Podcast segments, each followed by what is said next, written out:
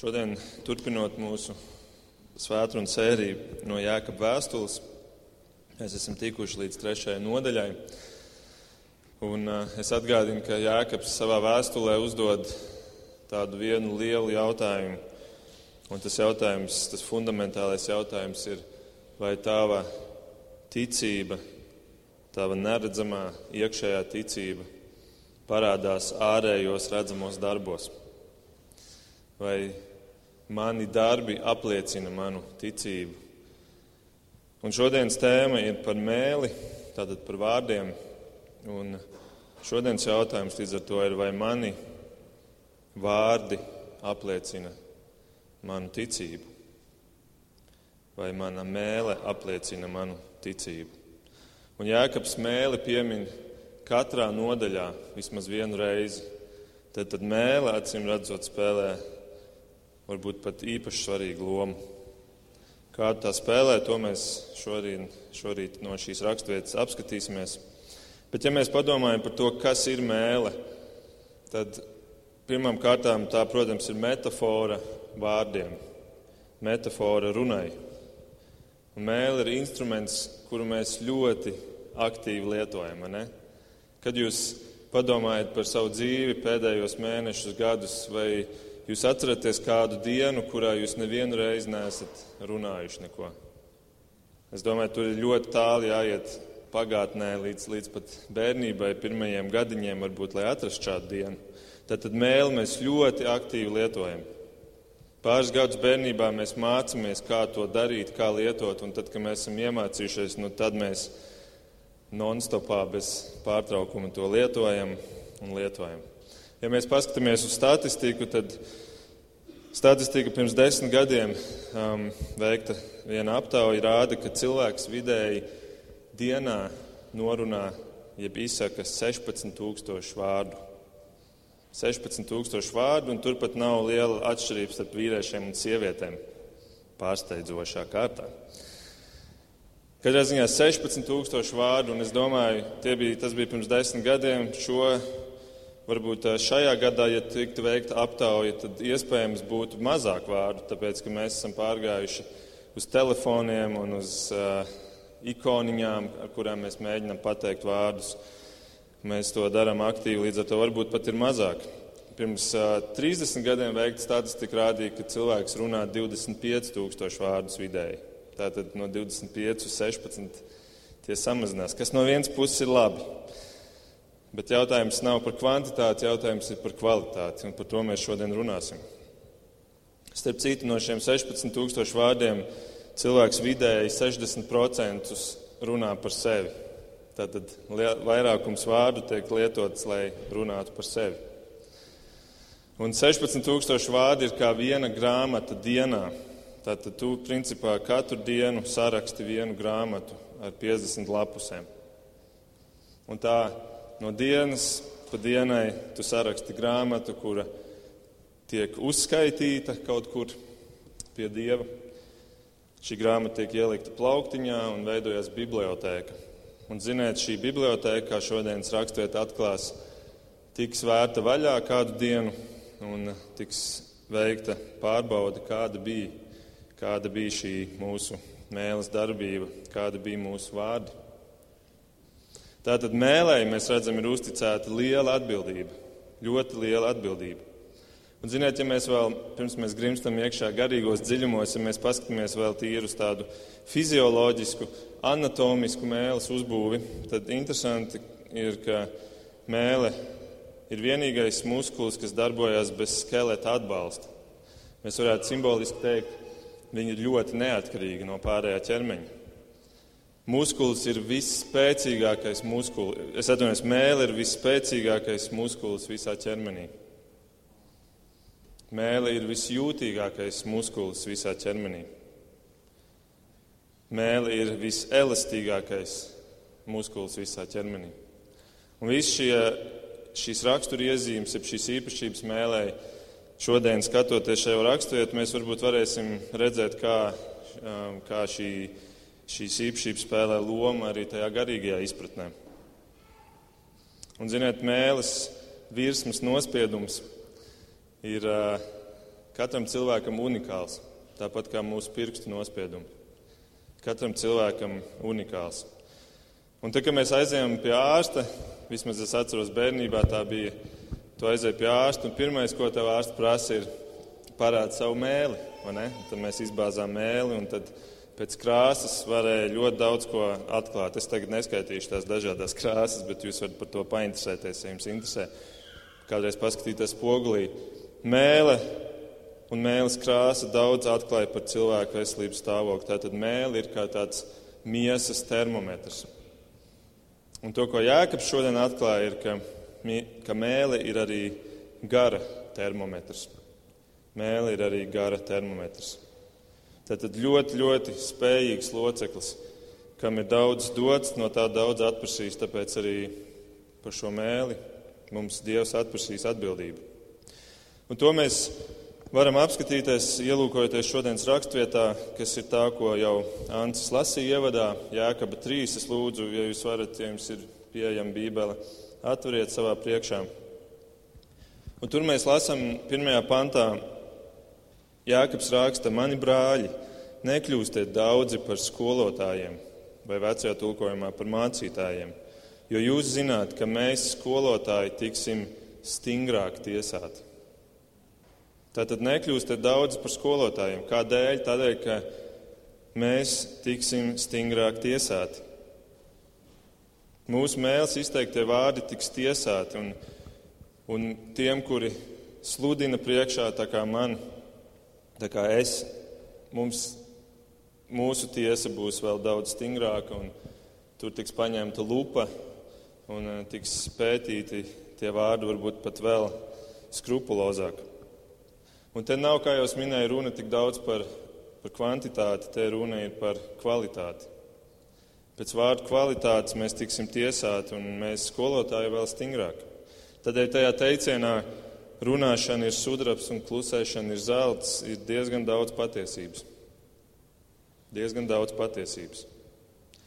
Salamans ir rakstījis tādu interesantu, mazliet pat smieklīgu domu par šo tēmu. Salamana pamācībā 17. Kas prot muti turēt, tas jau kaut ko zina. Kam ir vēsts prāts, tas kaut ko ir sapratis. Pat muļķis šķiet prātīgs, kamēr klusē. Kamēr lūpa šim ciet, tas liekas gudrs. Nu, lūk, Jēkabs saka, ka daudz nekļūstiet, bet viņš nesaka, neviens nekļūstiet par skolotāju. Ne? To mēs zinām. Viņš saka, nekļūstiet daudzi. Jo, lai piepildītu Kristus pavēli, lielo misijas pavēli, ir vajadzīgi skolotāji un mācītāji un sludinātāji. Ir vajadzīgi svētdienas skolas skolotāji, ir vajadzīgi mazo grupu vadītāji un citi, kuri arī māca. Patiesībā ebreju vēstulē, 5. nodaļā skatoties, tur es necitēšu šo pāntu, bet tur ir pateikts, ka jūs tik ilgi jau esat draudzē, jums jau sen būtu bijis jāmāca. Un es domāju, tas ir kaut kas, kas katram kristētim būtu sev arī jāņem kā tādu mērauklu. Jo tālāk tu ej savā ticības dzīvē, jo vairāk tu esi saņēmis, un jo vairāk un jo lielāka atbildība tev ir arī dot to tālāk. Bet ir kritēriji. Bībele savā ziņā saka, labāk ir maz, bet derīgu, nevis daudz nederīgu, daudz viduvēju un nederīgu. Un kāds tad ir tas kritērijs mācītājiem vai sludinātājiem? Mēs varētu teikt, cilvēku veidot tituli, teologs vai ordinēts mācītājs un tā tālāk. Tie visi ir labi veidi, kā pārbaudīt. Tie visi ir labi veidi, kā, kā veidot pārbaudi, vai tavs aicinājums ir tiešām patiesa. Bet Bībeles galvenā pārbauda ir, vai tu māci pareizi, vai tavi vārdi ir pareizi, vai tu māci Dieva vārda patiesību. Vai tu māci Dieva vārdā atklāto Dieva gribu Un vai tu šajā ziņā, vārdu ziņā, esi uzticams Dieva nāma saimnieks? Pēc tā tiks tiesāts jebkurš skolotājs, mācītājs un sludinātājs. Un Jākaps saka, stingri, vēl stingrāk tiesāts. Tādēļ kriterijs numur viens ir nevis cik gadus es esmu studējis teoloģiju, nevis kādi ir tituli mana vārda priekšā, doktors Markus Roškalns, bet kādi vārdi nāk no tevis ārā, no tavas mutes. Ziniet, jūdu sinagogās, un jūs zinat, jūdi bija ļoti stingri pret savu ticības dzīvi, un, un viņiem bija rabīni, un, un es lasīju, ka rabīni pat bija augstākā stāvoklī nekā vecāki.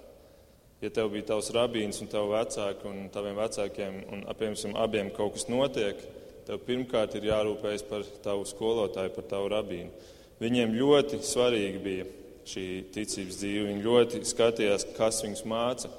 Un tik un tā viņiem bija pieļauts, ka, te, ka, ka sinagogā drīkst runāt gan oficiāli rabīni, gan arī neoficiāli skolotāji, kuri nav mācīti, bet kuriem ir laba reputācija. Tikai tādēļ Jēzus, piemēram, tika pie pults sinagogā. Jēzus nebija mācīts, un viņam daudz to pārmeta. Bet viņš tika aicināts sinagogā runāt, kā jūs atceraties. Vai arī Barnaba ikonijā ir rakstīts, ka viņš iegāja jūdu sinagogā un mācīja, un viņš bija nemācīts vīrs, viņš nebija rabīns. Tātad galvenais kriterijs pat tur bija, kas nāk no tavas mutes. Ko saka tava mēlē? Un, ziniet, es arī par sevi varu teikt, ka arī es esmu šobrīd, pašlaik es esmu, varētu tā cilvēciski teikt, es neesmu nekas oficiāli. Es neesmu ne ordināts mācītājs vai pat sludinātājs. Mēs šobrīd ar Raimondu ejam šo ceļu. Ne arī man ir kādi teoloģijas grādi. Bet mani vada apziņa, ka es stāšos Dievu priekšā un ka ka man būs jāatbild par visiem tiem vārdiem, ko es arī jums, jūsu priekšā saku. Un tas uzliek ļoti nopietnu atbildību, un tāpēc ar, ar nopietnību ir jāpieiet šim dievu dotajam aicinājumam.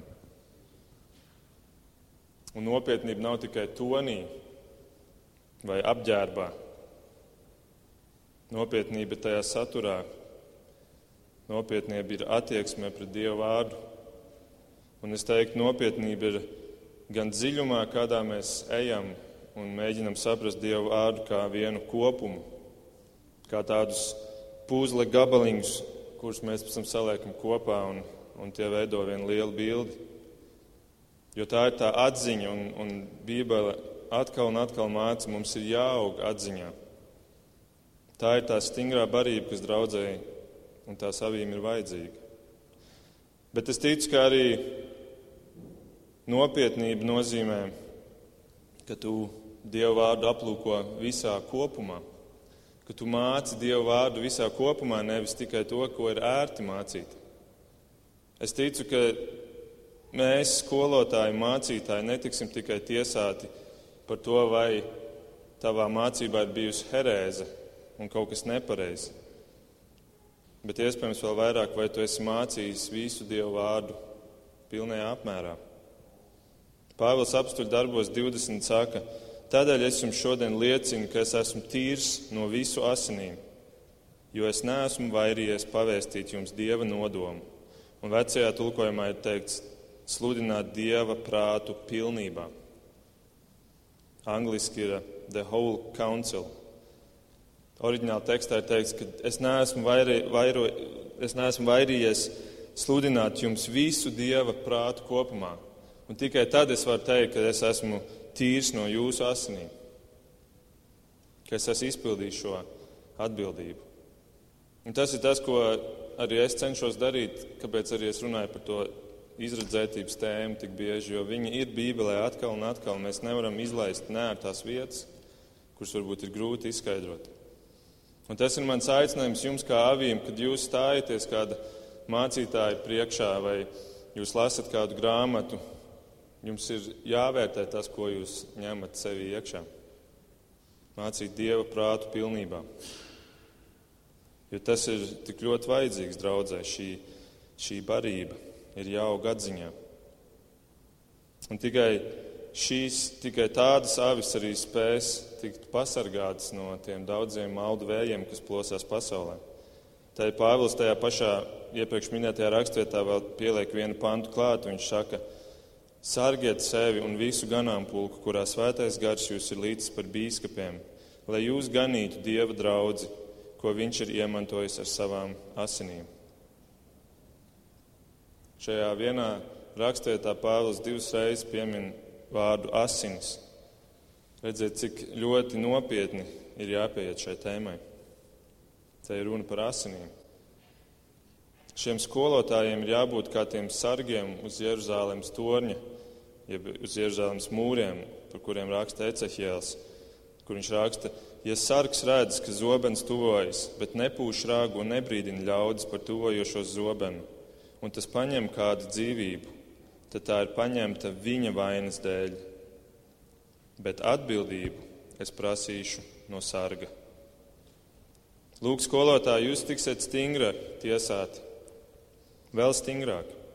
Tādēļ nekļūstiet daudz, ja jūs neesat gatavi nest šo atbildību. Ja jūs neesat gatavi nest šo atbildību par savu mēles darbu, par savu mēli. Un par tādiem, kuri nav, kuri nav derīgi, Pāvils raksta Timotejam, Timotejam savam nākotnes sekotājiem sludināšanā. Viņš raksta, daži no ceļa maldījušies, to visu ir pārvērtuši tukšvārdībā gribēdām būt mūzes bauslības mācītāji. Tie nesaprot nec ko viņi runā, nec ko viņi uzstājīgi apgalvo. Ne visi der, ne visi ir gatavi šai atbildības nāstai. Nebrejiem 13 ir teikts, paļaujieties uz saviem vadītājiem un paklausiet tos. Viņi ir nomodā par jūsu dvēselēm, un viņiem būs jādod par tām norēķins. Viņiem būs jādod par tām norēķins. Lai viņi to var darīt ar prieku, nevis ar vaimanām, tas jums nenāktu par labu. Tātad, lūk, skolotājiem būs jādod norēķins. Bet tad Jākaps pāriet uz plašāku auditoriju. Viņš uzrunā ne tikai skolotājus un mācītājus, bet viņš uzrunā katru cilvēku. Varētu teikt, otrajā pantā viņš paplašina auditoriju. Viņš saka, ka Bet jūs pārējie, jūs neiekārtojieties pārāk ērti, neatlaidieties, ja? jo arī jūs tiesās. Arī jūs tiesās. Otrajā pantā viņš saka, mēs visi bieži klūpam. Un te nav runa tikai par, par skolotājiem, mācītājiem. Mēs visi bieži klūpam. Vīrs, kas neklūp vārdos, ir pilnīgs, spējīgs iegrožot arī visu miesu.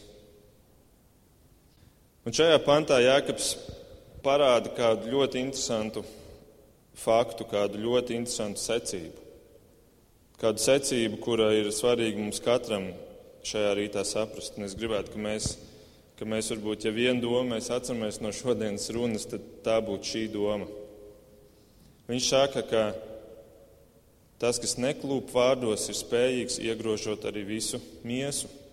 Tad mēs redzam, ka tas, ko mēs ar muti pasakām, ka tam ir sekas pār mūsu visu pārējo miesu. Secība ir, ka no mutes nāk un pār, nākamais solis ir miesa, kas neklūp vārdos, ir spējīgs iegrožot arī visu miesu. Padomājiet par šo, par šo jēkabu domu. Kā tu attieksies pret savu muti, Tas ietekmēs visu tavu miesu. Kā es attiekšos pret savu muti, tas ietekmēs visu manu miesu. Ja es kontrolēšu savu muti, tad arī pārējā miesa pakļausies. Ja es kontrolēšu savu muti, arī pārējā miesa pakļausies. Atcerieties, es ievadā teicu, mēlē ir visspēcīgākais. Mēlē ir kā no visiem mūsu mūsu locekļiem un muskuļiem tas, tas vadonis priekšā. Visspēcīgākais, visjūtīgākais, neatkarīgs no skeleta. Ja tu kontrolēsi savu muti un ko tavu mute runā, tas palīdzēs tev tikt galā ar tiem grēkiem, ar kuriem tu cīnies savā miesā. To saka Jēkabs. Un tāpēc ir ar mēli daudz vieglāk grēkot nekā ar miesu. Ar miesu mēs varam darīt tikai tik, cik mums ir apstākļi doti apkārt. Kādreiz nav doti apstākļi. Mēs esam nepareizajā laikā, nepareizajā vietā, lai izdarītu varbūt kādu grēku, kuru mēs varētu izdarīt teorētiski, bet ar mēli mēs varam runāt visu un visur, ko vien mēs gribam. Tāpēc secība ir mēle, un tad ir miesa.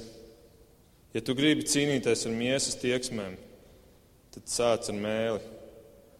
Un, protams, pilnā secība ir sirds, tad ir mute un tad ir miesa. Jēzus par to saka Matei 12. Jūs čūsku dzimums, kā jūs varat runāt labu, būdami ļauni, jo no pārpilnības sirds, jo no pārpilnas sirds mute runā. No pārpilnas sirds mute runā. Sirds ir pirmā. Viss sākās ar sirdi, un tad sako vārdi, un, un tikai trešā, ja tā var teikt, līmenī nāk miesas locekļi pārējie. Labs cilvēks no savas sirds, Jēzus turpina, labs cilvēks no savas sirds labumu krājumiem dod labo, bet ļaunais no ļaunā krājumiem dod ļauno. Bet es jums saku par visu tukšo runāšanu, ko cilvēki runājuši. Tiesas dienā tiem būs jānorēķinās, jo pēc saviem vārdiem tu tiksi attaisnots, un pēc saviem vārdiem tu tiksi notiesāts. Protams, ne jau pēc vārdiem vien, bet vārdi ir tas liecinieks tavai sirdī. Vārdi ir tavs sirds apliecinājums. Ne tikai skolotāji un mācītāji, bet mūsu katru vārdi būs tie, pēc kuriem Dievs mūs tiesās. Mēli ir tas starposms starp mūsu sirdi un mūsu miesu, ja tā var teikt. Un tad Jēkabs to ilustrē ar zirga piemēru. Trešajā pantā viņš saka, ka Bet ja mēs zirgam laužņus, jeb iemauktus liekam mutē, lai tas mums klausītu, tad arī visu zirgu mēs vedam sev līdzi. Izcils, izcila ilustrācija. Jūs zināt, zirgs, viņam ieliek laužņus, jeb iemauktus mutē. Un tur ir šī metāla, šis metāla stienis, un tas stienis ir tas, kas kustina viņa mēli. Un tas ir tas iemesls, kādēļ viņš griežās pa kreisi, griežās pa labi, zina, kad apstāties, zina, kad iet uz priekšu. Un kamēr zirgam netiek ielikts šis dzelzis mutē, viņš ir principā nelietojams. Zirgs ir bezjēdzīgs, viņš ir nekontrolējams, viņš nav derīgs ne jāšanai, ne lauku apstrādāšanai. Tev viņš vispirms ir jāsalauž, un tikai tad tu spēsi viņu lietot. Izcila ilustrācija. Un, ja tev liekas, nu, pagaidi, pagaidi, bet zirgs labi, bet es esmu cilvēks, un man ir tā mēlī tik maza, ka tā pavisam noteikti mani nevada. Kā var tik maza mēlīte vadīt mani, manu dzīvi? Ja tu tā domā, tad Jākabam ir vēl viens piemērs priekš tevis 4. pantā. Viņš raksta, redz arī lielie kuģi, ne tikai automašīnas lielās, divas tonnas smagās, ne tikai lidmašīnas, bet kuģi, kurus dzēn stipri vēji, ar niecīgu stūri tiek virzīti. Kur viens stūrmanis to grib? Padomājiet, mēs te braucot uz baznīcu, bieži vien redzam prāmi šeit, nu tos kuģus. Ja? Tik milzīgs dzelža gabals, un ja tu, ja tu varētu redzēt cauri visiem dzelžiem un ieraudzīt to mazo stūrīti, kuri tur priekšā stāv, kura kustina to visu. Ja kuģus spēja tik maz stūrīt virzīt, tic man, arī tava mēle to spēja darīt. Un tad Jēkabs turpina ar vēl vienu piemēru, un Jēkabam ir tik daudz piemēru vispār savā vēstulē. Man citās svētdienās ir jāmeklē kādi piemēri no ārpuses, bet šeit viss ir dots. Nākamais piemērs, 5. pantā. Tāpat arī mēlē ir mazs loceklis, bet vareni dižojās redzi, tik maza uguns, tik lielu mežu aizdedzina. Jūs zinat, visi meža ugunsgrēki, visi lielie ugunsgrēki, kuri, kuri, kur, par kuriem mēs varam skatīties pasaulē, kur nodedzina mājas, iznīcina ciematus, kurus helikopteri vedot ūdens māsas nespēja apturēt. Viņi sākās ar mazu liesmiņu. Katra milzīgā eksplozija sākās ar mazu liesmiņu, jeb dzirksteli. Te ir runa par, par kontroli. Uguns ir laba. Uguns var sasildīt tavu māju, lai tu ziemā vari izdzīvot. bet ir jautājums par kontroli. Tā ir tava stūra. Tā mācītājiem ir stūra, lai vadītu savu draugu. Un Dievs to tā ir paredzējis. Tāpēc arī mēs svētdienās nākam un viens no draudzes stājās priekšā un, un runā no Dieva vārda. Tas ir Dieva iecelts stūris mehānisms. Šis, šī platforma priekšā ir tā tāda stūra savā ziņā. Bet šī stūra arī mums katru mūsu ikdienas dzīvē ir, ir, ir, viņi ir atbildīgi par mūsu attiecībām, ģimenē un ar mūsu līdzcilvēkiem. Šī mazā stūra spēja celt un spēja arī graut. Dievs mums katram ir iedevis līdzi stūri, un tā ir viņa uzticēšanās mums katram, ka viņš mums dod šo atbildību šo lielo atbildību. Runājot par ugunsgrēkiem, ziniet, kas ir ļoti, ar ko uguns ir īpaši bīstama? Ar to, ka tā pati no sevis vairojās. Tu aizdedzini mazu liesmiņu, tu papūti vēju virsū, un viņa paliek ar vien lielāku un ar vien lielāku, un tev nav nekas jādara. Viņa tikai aug un aug un iet vairumā. Uguni ir pretlīdzeklis. Ūdens. Ūdens to nespēja. Ūdeni tu nevari uzpūst viņam virsū, un viņš, paliks, viņ, viņš pavairosies. Ūdens ir tik, cik viņš ir, un, un šis pretlīdzeklis ūdens tev ir Tev ir jānes no kaut kurienes, tev viņš ir dos tik, tik, cik ir, bet uguns pati vairojās un iet plašumā. Un tāpēc vēl jau vairāk ir jābūt uzmanīgiem ar šo uguni, ar šo mēli. Tāpēc arī Salamans ir teicis, nāve un dzīvība ir mēlis varā.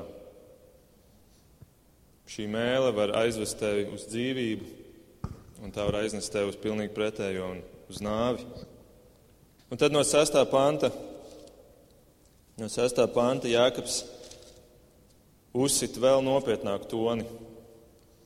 Un no visas Bībeles neskaitāmajām rakstvietām par mēli un par vārdiem un par runāšanu, šī ir iespējams visāsākā rakstvieta no visām.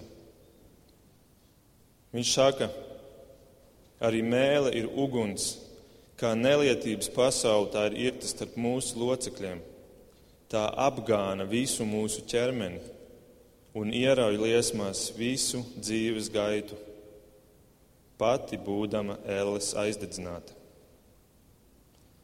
Redzēt, mēle nav tikai tāds temperamenta jautājums.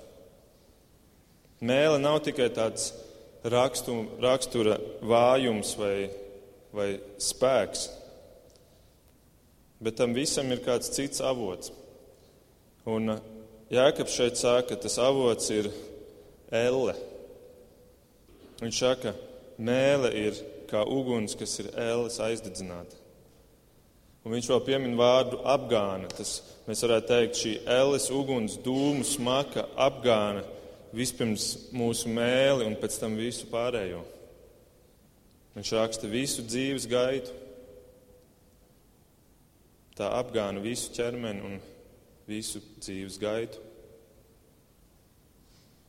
Ja mēs domājam par dūmu smaku, tad, tad es, mēs šeit ar mūsu puikām braucam mežā, un tad, tagad arī nesen bijām, vēl sniegs visur bija un dedzinājām ugunskura, cepām desings. Un, ziniet, un pēc tam tu aizbrauc mājās, un tu viss smirdi pēc šī ugunskura, pēc šiem dūmiem. Tu vienkārši Tu velc nost drēbes, un tu velc nost, un tu saproti, tu līdz apakšveļai tev visi, visi šī smaka ir sasūkusies. Un tad tu ieej nomazgāties, un tu izkāp no dušas, un tu sajūti, ka tev mati joprojām smird pēc šīm dūmēm.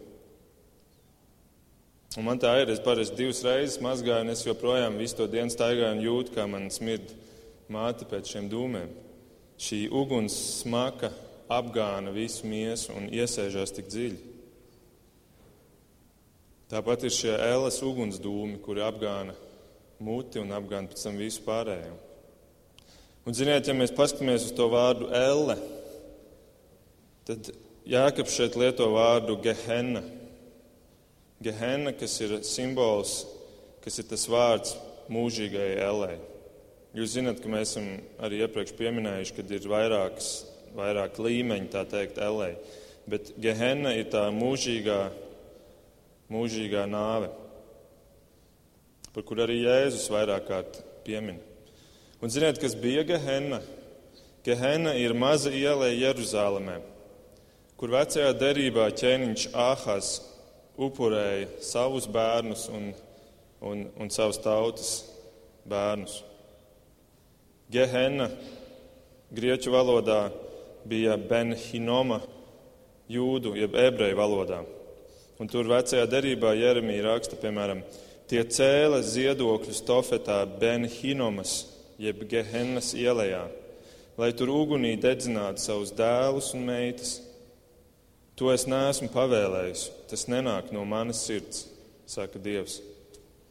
Tātad Gehenna bija tā ielēja, kurā, kuras smirdēja pēc dedzinātiem bērniem.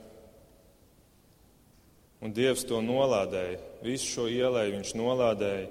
Un jaunajās darbības laikos, tad, kad Jēzus staigā pa Jeruzālēm, tad mēs redzam, ka viņš vairāk kārt atsaucās uz šo vietu kā uz mūžīgās uguns un sēra jūru, jo tajā laikā tur meta visus atkritumus, Tur mēta cilvēku līķus un arī dzīvnieku līķus, un tā bija, tur bija nenormāla smaka, un tur uguns dega nepārtraukti. Gehenna. Šī mēlē ir kā uguns, kuru ir Gehenna aizdedzinājusi. Jaunajā derībā tur smirdēja pēc visiem šiem mēsliem un maitas, bet vecajā derībā tur smirdēja pēc cilvēku līķiem, pēc bērniem dedzinātiem. Drausmīga smaka smaka, kas apgāna visu. Un Jēkabs to salīdzina ar mūsu mēli. Un, ziniet, es tā domāju, katru rītu, kad tu jūti smaku no, no mutes, tas varbūt ir tāds labs atgādinājums, ko spēj tava mute.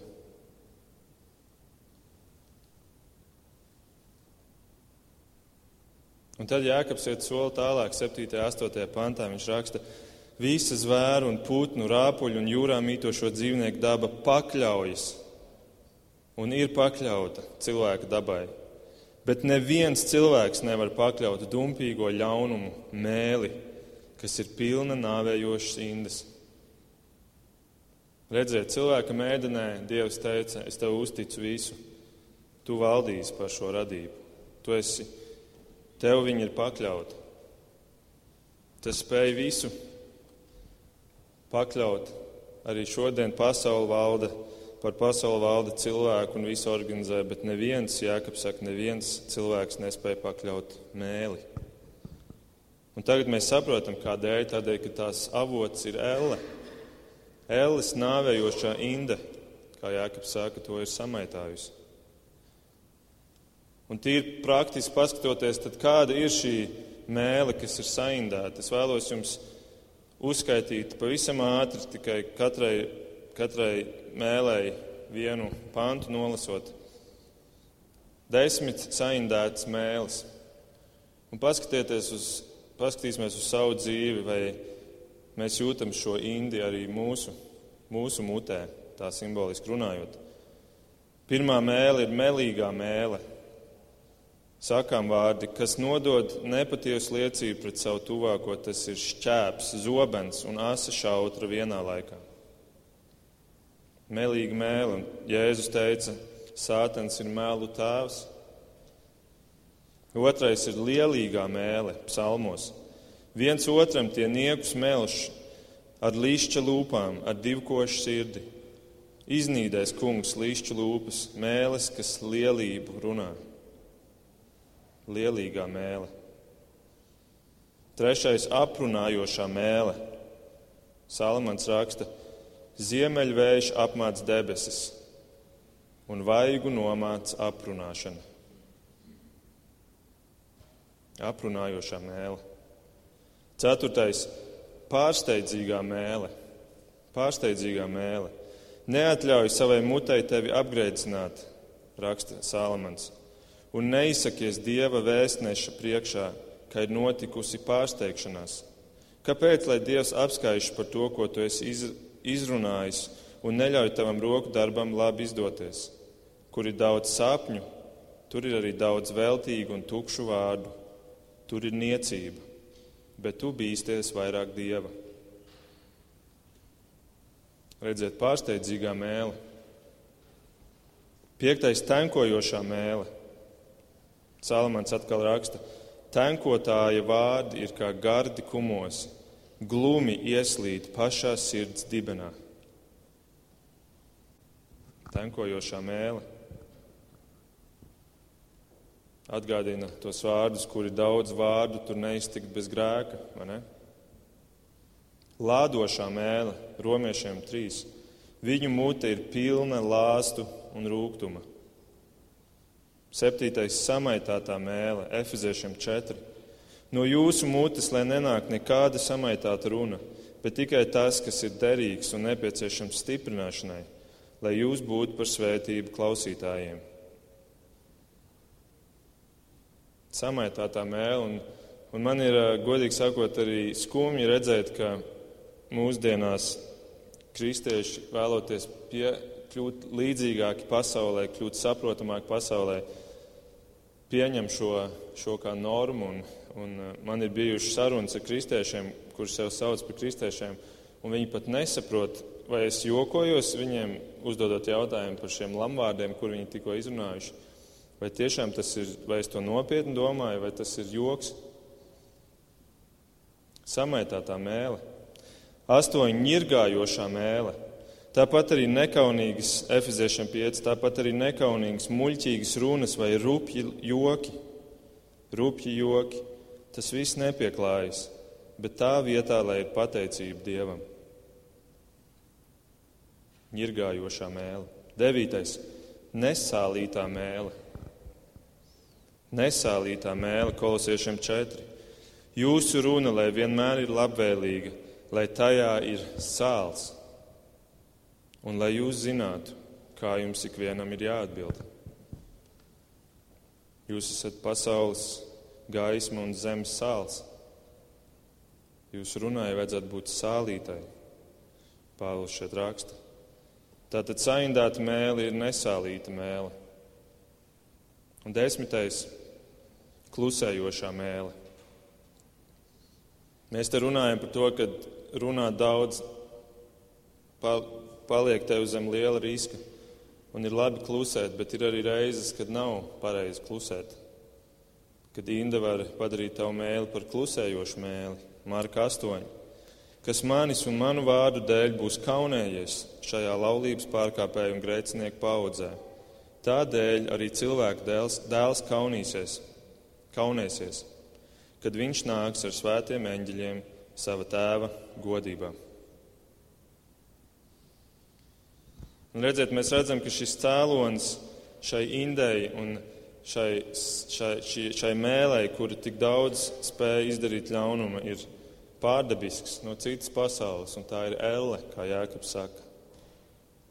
Tādēļ arī tikai kaut kas pārdabisks, kaut kas no citas pasaules spētu to pakļaut. Jēkabs šeit rakstīja, neviens cilvēks nespēja pakļaut mēli, bet viņš neraksta, neviens nespēja pakļaut. Viņš raksta, neviens cilvēks. Jo kurš spēja pakļaut? Kas cilvēkam nav iespējams, dievam ir iespējams.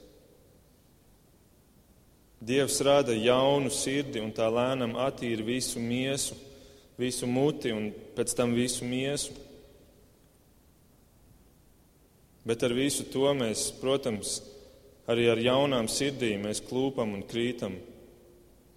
Un viņš saka, ar to pašu mēli arī mēs slavējam Dievu un nolādam cilvēkus. Labs piemērs ir Pēters, kurš augšstabā vēl pielūdz Jēzu kā savu kungu, un tad pāris stundas vēlāk Heroda pagalmos viņš ne tikai aizliedz Jēzu, bet viņš tur rakstīts lād Jēzu. Viņš sāk lādēties, ka viņš nepazīst viņu. Arī mazgātie turpina krist. Bet, ziniet, tā galvenā atšķirība ir tā, ka laiks sāk rādīt augļus, un tie augļi ir tīrība. Mēli sāk attīrīties, un līdz ar mēli seko visa miesa un tās darbi. Kas ir tas galvenais līdzeklis, kas attīra vienalga mūsu traukus, kad mēs mazgājam vai mašīnu vai jebko citu? Ūdens. Kas ir galvenais pretlīdzeklis ugunī, ar kuru ierodās ugunsdzēsēji ugunsgrēku vietā?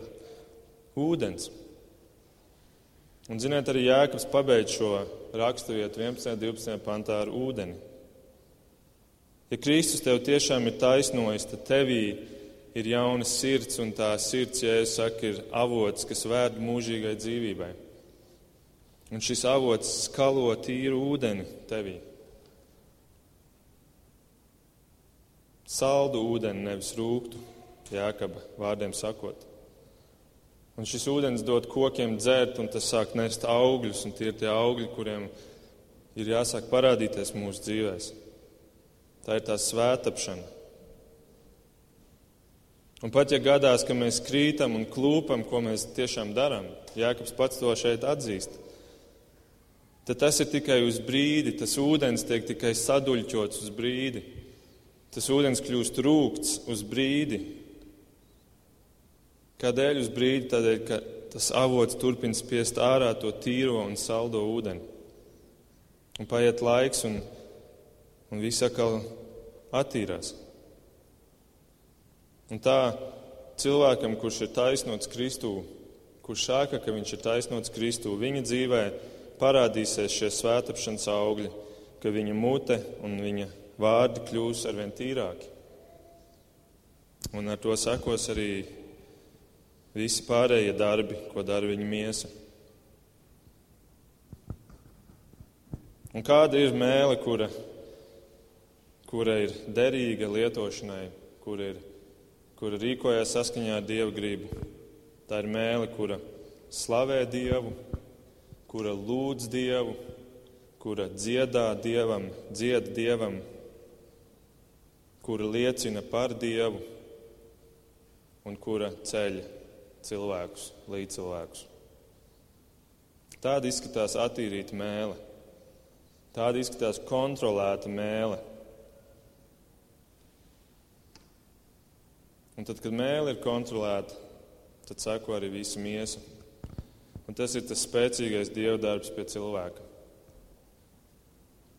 Un tad, kad Jēzus saka, ka jums būs jāatbild par saviem vārdiem, tad viņš nesaka, jums būs jāatbild par visiem vārdiem. Viņš saka, jums būs jāatbild par liekajiem vārdiem. Par liekajiem vārdiem. Jo tie vārdi, kas ir teikti patiesībā, par tiem mums nebūs vairs jāatbild, jo tie nāk no Dieva. Dievs par viņiem zina. Lai šī jēkaba doma un norādījumi, lai tie arī kļūst redzama mūsu draudzē un, un mūsu komunikācijā, kā mēs viens ar otru runājam un arī kā mēs kā draudzē vadām savus kalpošanas. Tas ir izaicinoši, bet lai, lai tas kungs svētī mūs šajā. Lūksim. Debes Tēvs, paldies par Tavu vārdu, paldies par Tavu lielo mīlestību uz mums. Paldies par Tik daudz, mēs varētu tik daudz tev pateikties par, gan par to, ka tu esi mūs radījis tik brīnišķīgus, mūsu miesu, gan par to, ka tu esi mūs izpirts ar savām asinīm, ka tā ir tik liela žēlastība, ka tu esi mūs izredzējis, ka tad, kad mēs vēl bijām akli un miruši garīgi, ka tu mūs padarīji dzīvus. Un, un paldies par, uz, par šo atbildību, kur tu esi uzticējis mums par mūsu mēli ka mēs varam ar savu mēli teikt tevi un runāt par tevi, par visvarano Dievu. Ka mēs varam celt citus un iepriecināt viņus un mainīt viņiem dzīvi. Kungs, tā ir tik liela atbildība. Paldies Tev par to. Lūdzu, palīdz mums būt nopietniem, atteikties nopietni par šo iespēju un potenciālu. Lūdzu, palīdz arī mums, draudzes vadītājiem, būt ar īpašu vērību un un mācīt arī tavu vārdu pilnībā, kopumā, nebaidīties no tā, bet, bet mācīt to, jo kādu dienu mums būs jāstāv tavā priekšā un jāatbild par to. Lūdzu, svētī katru no mums. Paldies Tev par visu. To mēs lūdzam Jēzus vārdā. Āmen!